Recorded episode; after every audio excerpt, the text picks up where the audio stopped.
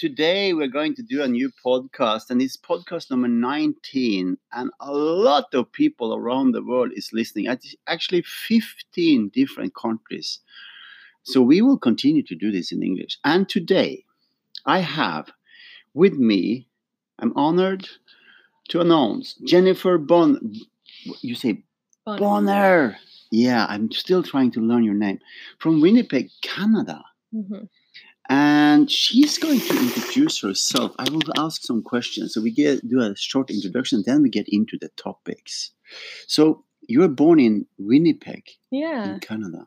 yeah. So I grew up uh, actually outside of the city hmm on a small farm uh, with my parents and family. So we really grew up with a lot of outdoors uh, in the natural space. So you are an outdoor girl. Yeah, definitely. We actually grew up without any electronics or any TV until I was 15. So when we were younger, my parents would say, if you're bored, uh, go outside and play, or we have some jobs you can do inside. So we always were outside. That's super cool, and that's part of why I got so interested to talk to you about not to talk to you about consciousness because you grew up without technology. hmm So.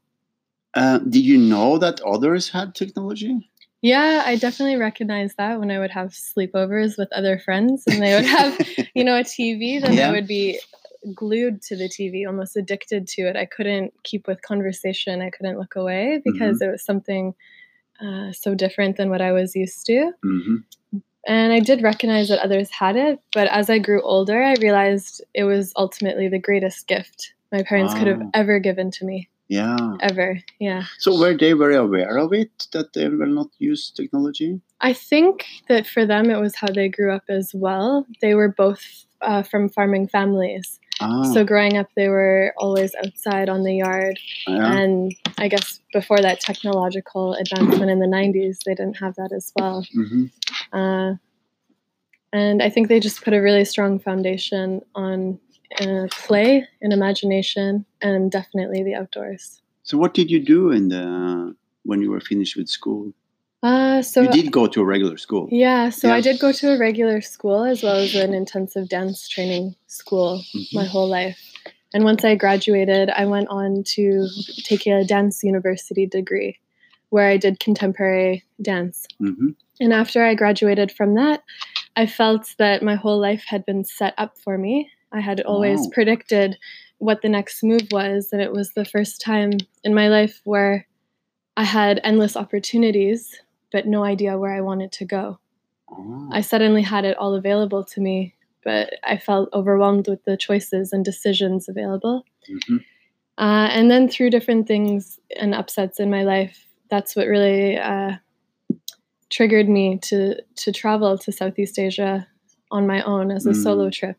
So Mm. then, once I finished school, I decided to go there for a month, um, which has now turned into So that's jump that jump into what we were talking about when we had the first conversation before we started this podcast, and I get so curious about you.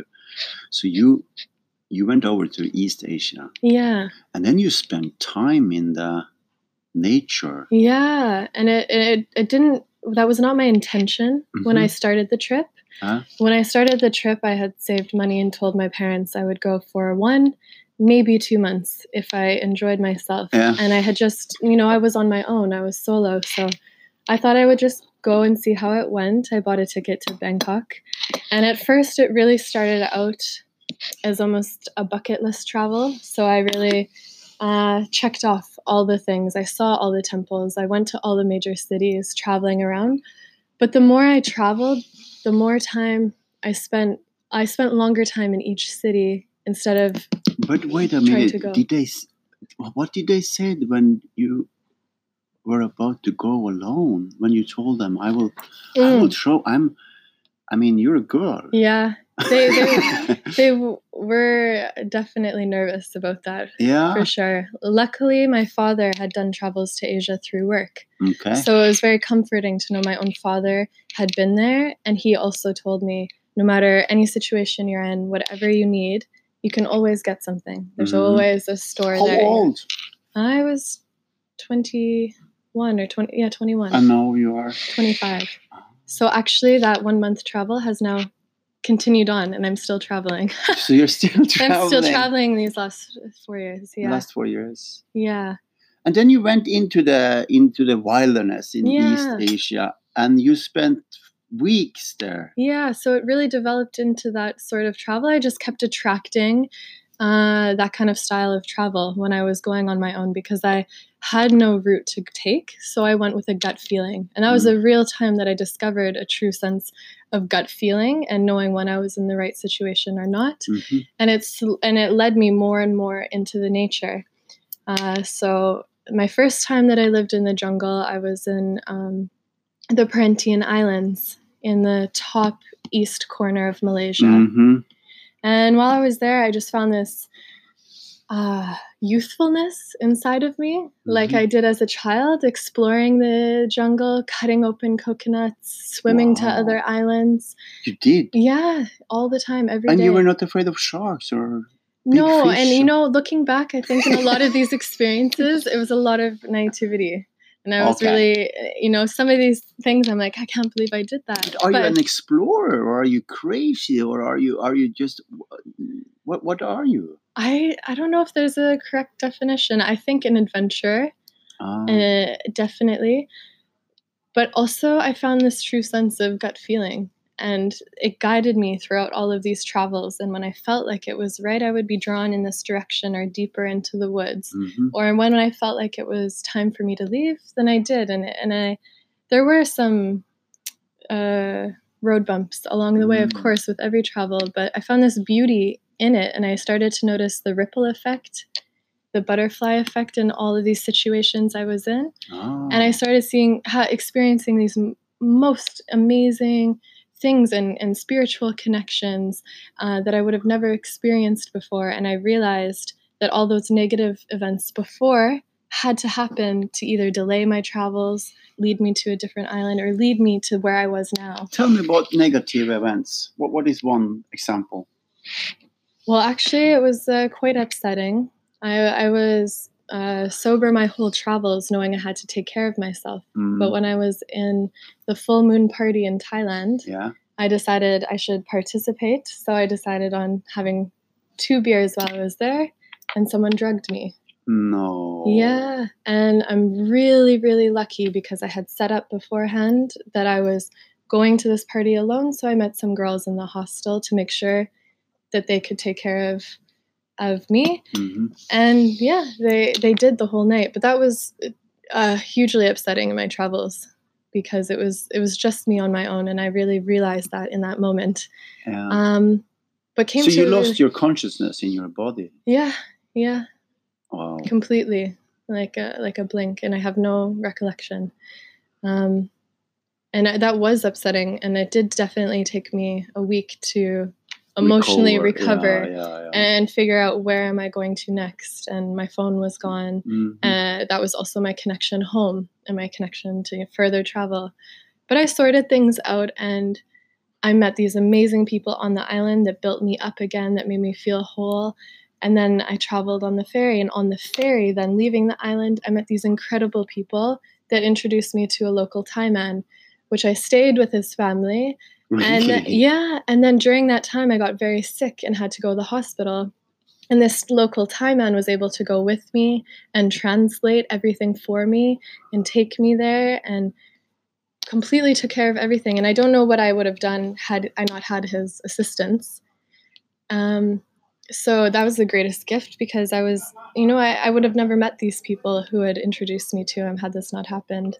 And then further on, we continue to where I lived in another jungle in Malaysia, and that's where I met my current boyfriend, yeah. who who led me to move to Norway. What's his name? Kim. Kim. Yeah. Let's let's wait with Kim for a little little Mhm. moment and go back to we're in the jungle and, and you were talking there were, before you went to the jungle there is some bad experience and then you had this spiritual experience. Yeah. Can you say something about that? So this was actually when I was living now in my third jungle in Indonesia. Yeah. And I was living there with a sort of a uh, a group. They call it the Rainbow Gathering, and it's a group of uh, at this point it was about 300 people. That had we we were very deep in the jungle. You had to take 15 hour buses, local transport, uh, hiking, and a local motorbike Really? to get there. So it's quite off the grid, um, and it was cool. We all found each other. So we were trying to live off the land. We were trying to. Uh, use bamboo to build up a kitchen, dig our own toilets, everything Yeah. support supply firewood. We had bananas, we had cocoa trees, and and we drank river water. And it was this really back to earth, back to nature And back feeling, to nature feeling. feeling so grounded. And while I was there, I had this moment where I went alone on the beach, and I felt incredibly sad. I was thinking of all my family that I Oh, hadn't yeah. seen in you know six to eight months, Yeah. and I went through all of them, and I thought of my mother. Okay. And I realized I was every part of her being. I, I, I, she had birthed me. I had grown inside of her. When I felt heartache, she felt it. When I felt joy, she felt it. And I remember calling out to her. And From it- that from that space. space, and it would have been nighttime in Canada, and I didn't need anyone else to confirm it for me, but I knew I had spoken to her, and I knew she heard me. And I just had this amazing conversation and, and connection with my mother, and it was so wholesome. And then it probably went three weeks longer while I was living there with no internet or connection. And when I returned back to the normal world and life, I gave her a call, and it happened to be Mother's Day. And she tells me the story on this one particular date where I woke her up uh, when she was sleeping, and I was calling out to her. Uh, but it was it was me as a child speaking. Really? Yeah, and and she told me all about this experience. It was not I that brought it forward to her, and it was just uh, What is so overwhelming. That must be so overwhelming. It was probably the most beautiful thing I've ever experienced. That's a beautiful story. and and just knowing that we have this power within ourselves. We have. Yeah, and we so often forget that, and it's rare that we can really find that connection. But I'm so amazed that you, 21 year old girl, and you're not, I mean, you're a beautiful girl and you're a person who doesn't look like you're uh, going into the jungle. You and, and, and you, you do and you did this. Mhm. I'm just amazed about the story. How how did you come up with this idea?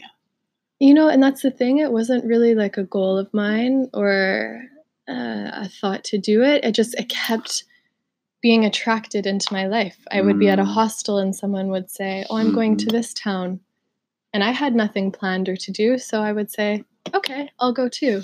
And so it would just lead me to these Mm. places.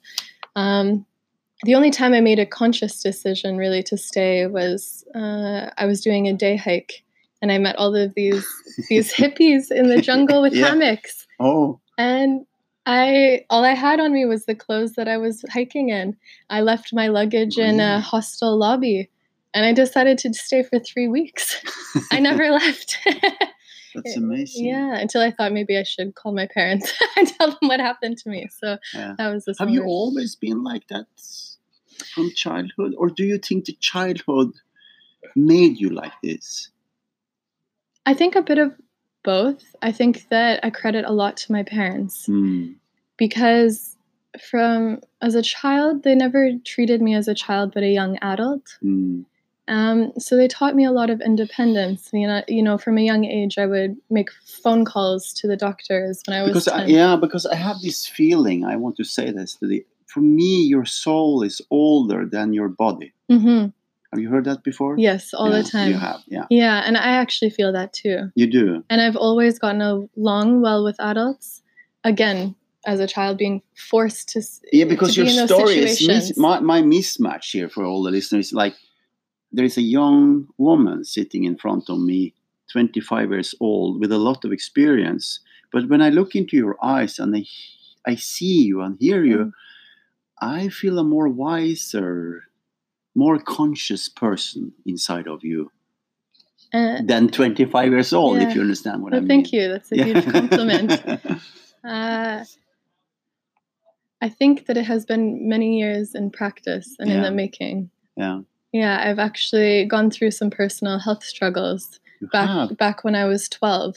Okay. So Do you 12 want to talk about it, or is it something you can share? Yeah, uh, it's kind of I'm not exactly sure, but essentially I started out as stomach pain Okay. and I really couldn't eat. And it went so long that my digestive system was failing me really? and not functioning. Um, and we were investigating in Western medicine for a year and a half, doing tests and blood work and IVs, trying to figure out what and how. Um, and in the end, we couldn't find anything. So it was this horrible realization at a 12 year old child that uh, it was in my head. And, and how, how can we work through this? And it was actually ancient Chinese herbal medicine and acupuncture that really saved me and helped me restart my digestive system through treatment. But was it the depression? Depression? Depression? I think depression. How do you say it in English? depression? Yeah. I think it was actually more stress. Uh, so you're 12 years old yeah, and you get hit by stress. yeah. But I was always aspiring for. I was always an A plus student. I was also doing a professional dance degree in high school at the same time, so it was. It, it was very intensive, and I can't exactly explain Did why you always? Uh, did you try to be perfect? Yeah. Have you always tried to be perfect?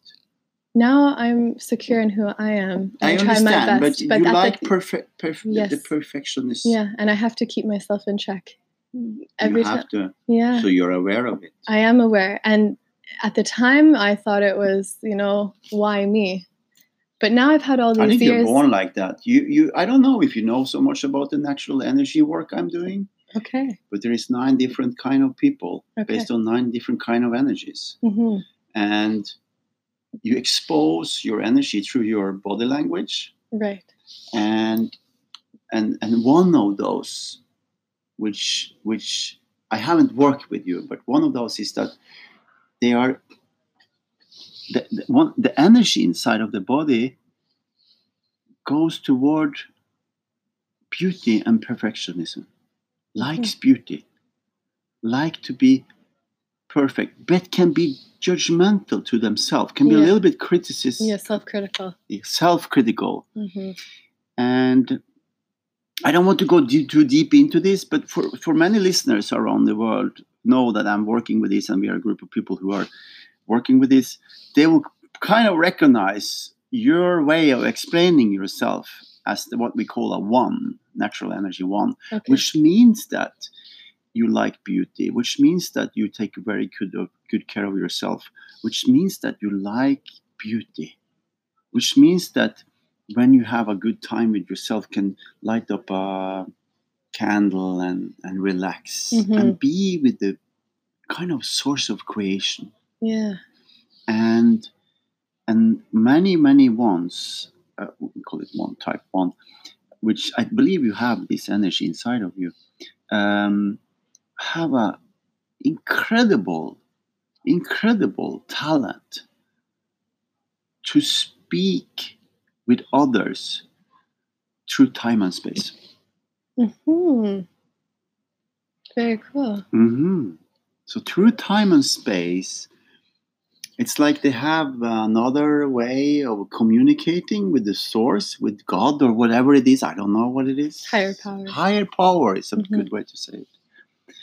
Um, and had this deep, deep, deep connection to other beings.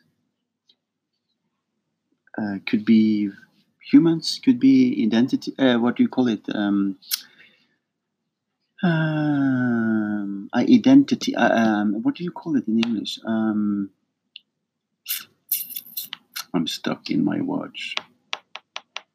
Anyway, other beings, Mm. like spiritual Spirits, beings. Yeah, yeah. that's what I mean. Spirits. So, and then you met your. I'm jumping. Kim. hmm What happened?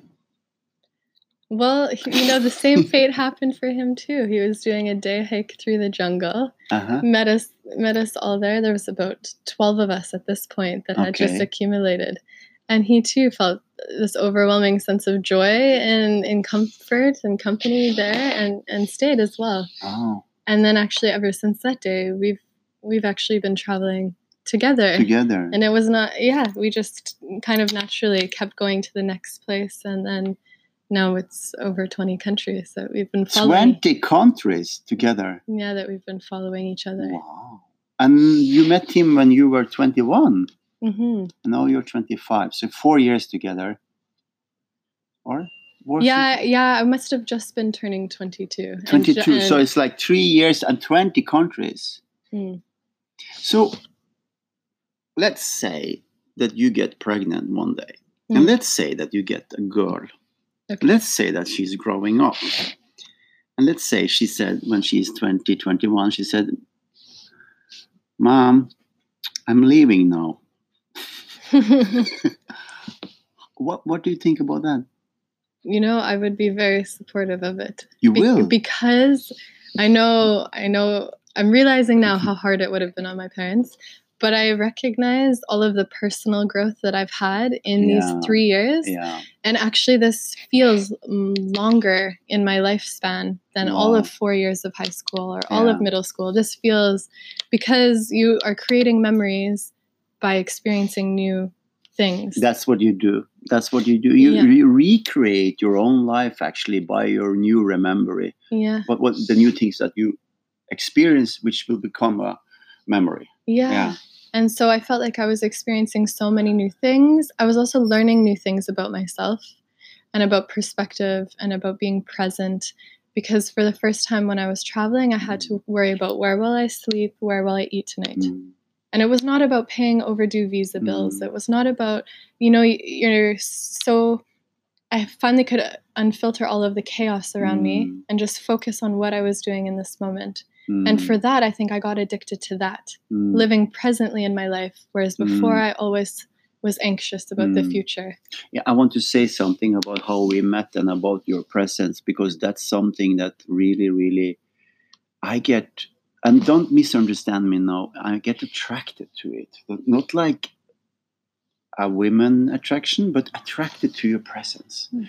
And and and Jennifer, you you work in our restaurant, and you have been here for a few months. This is the second time Mhm.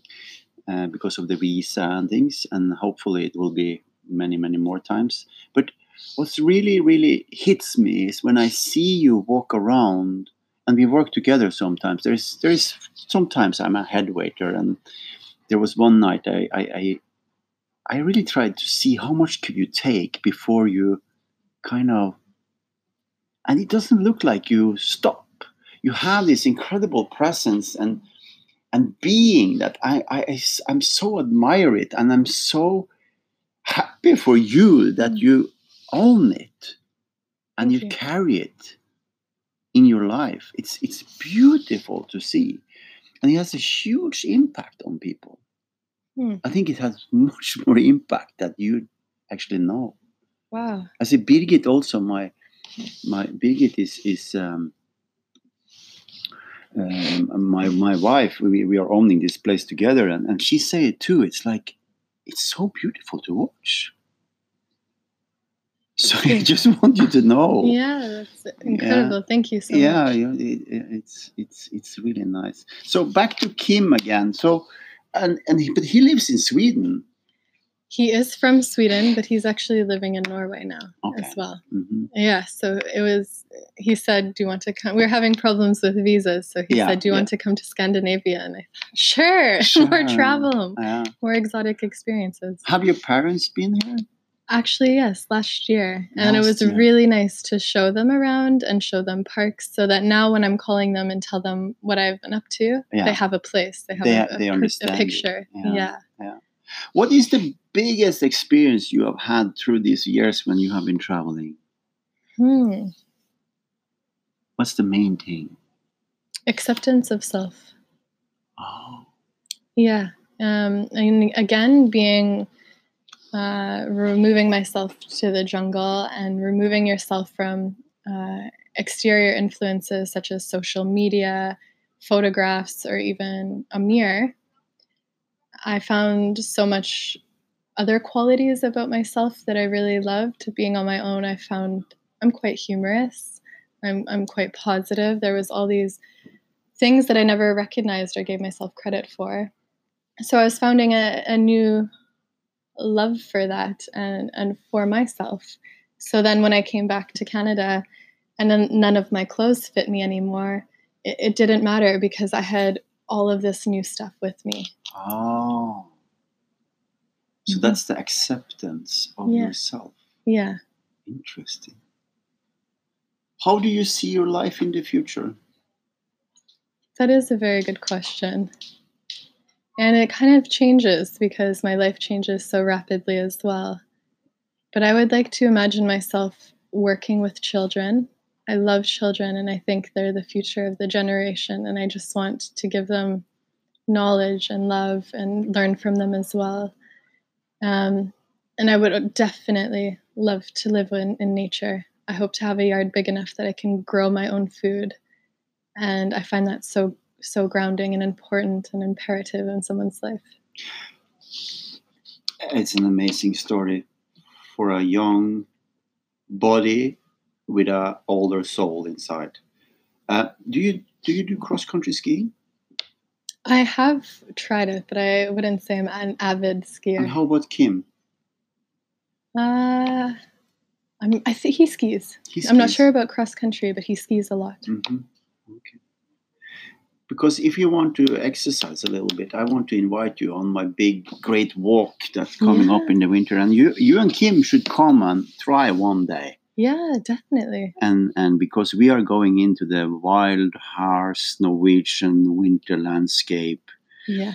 and you can take a train and you can come and you can be with us for a day, or maybe you can sleep over and and have a in a tent in a sleeping bag. We can re- organize it because I think it will be a extraordinary, interesting experience for you and him, Mhm. of course. Yeah, definitely. Very nice. Thank you so much for sharing your story. Is there anything else we should tell the listeners? Some secrets about you? oh, that's a nothing that comes to mind actually. It's okay. What a beautiful story. A young woman leave her parents, go to South Asia, into the jungle. That's amazing. Thank you so much. Thank you for having me. Thanks Thank for you for sharing sharing. this. Yeah.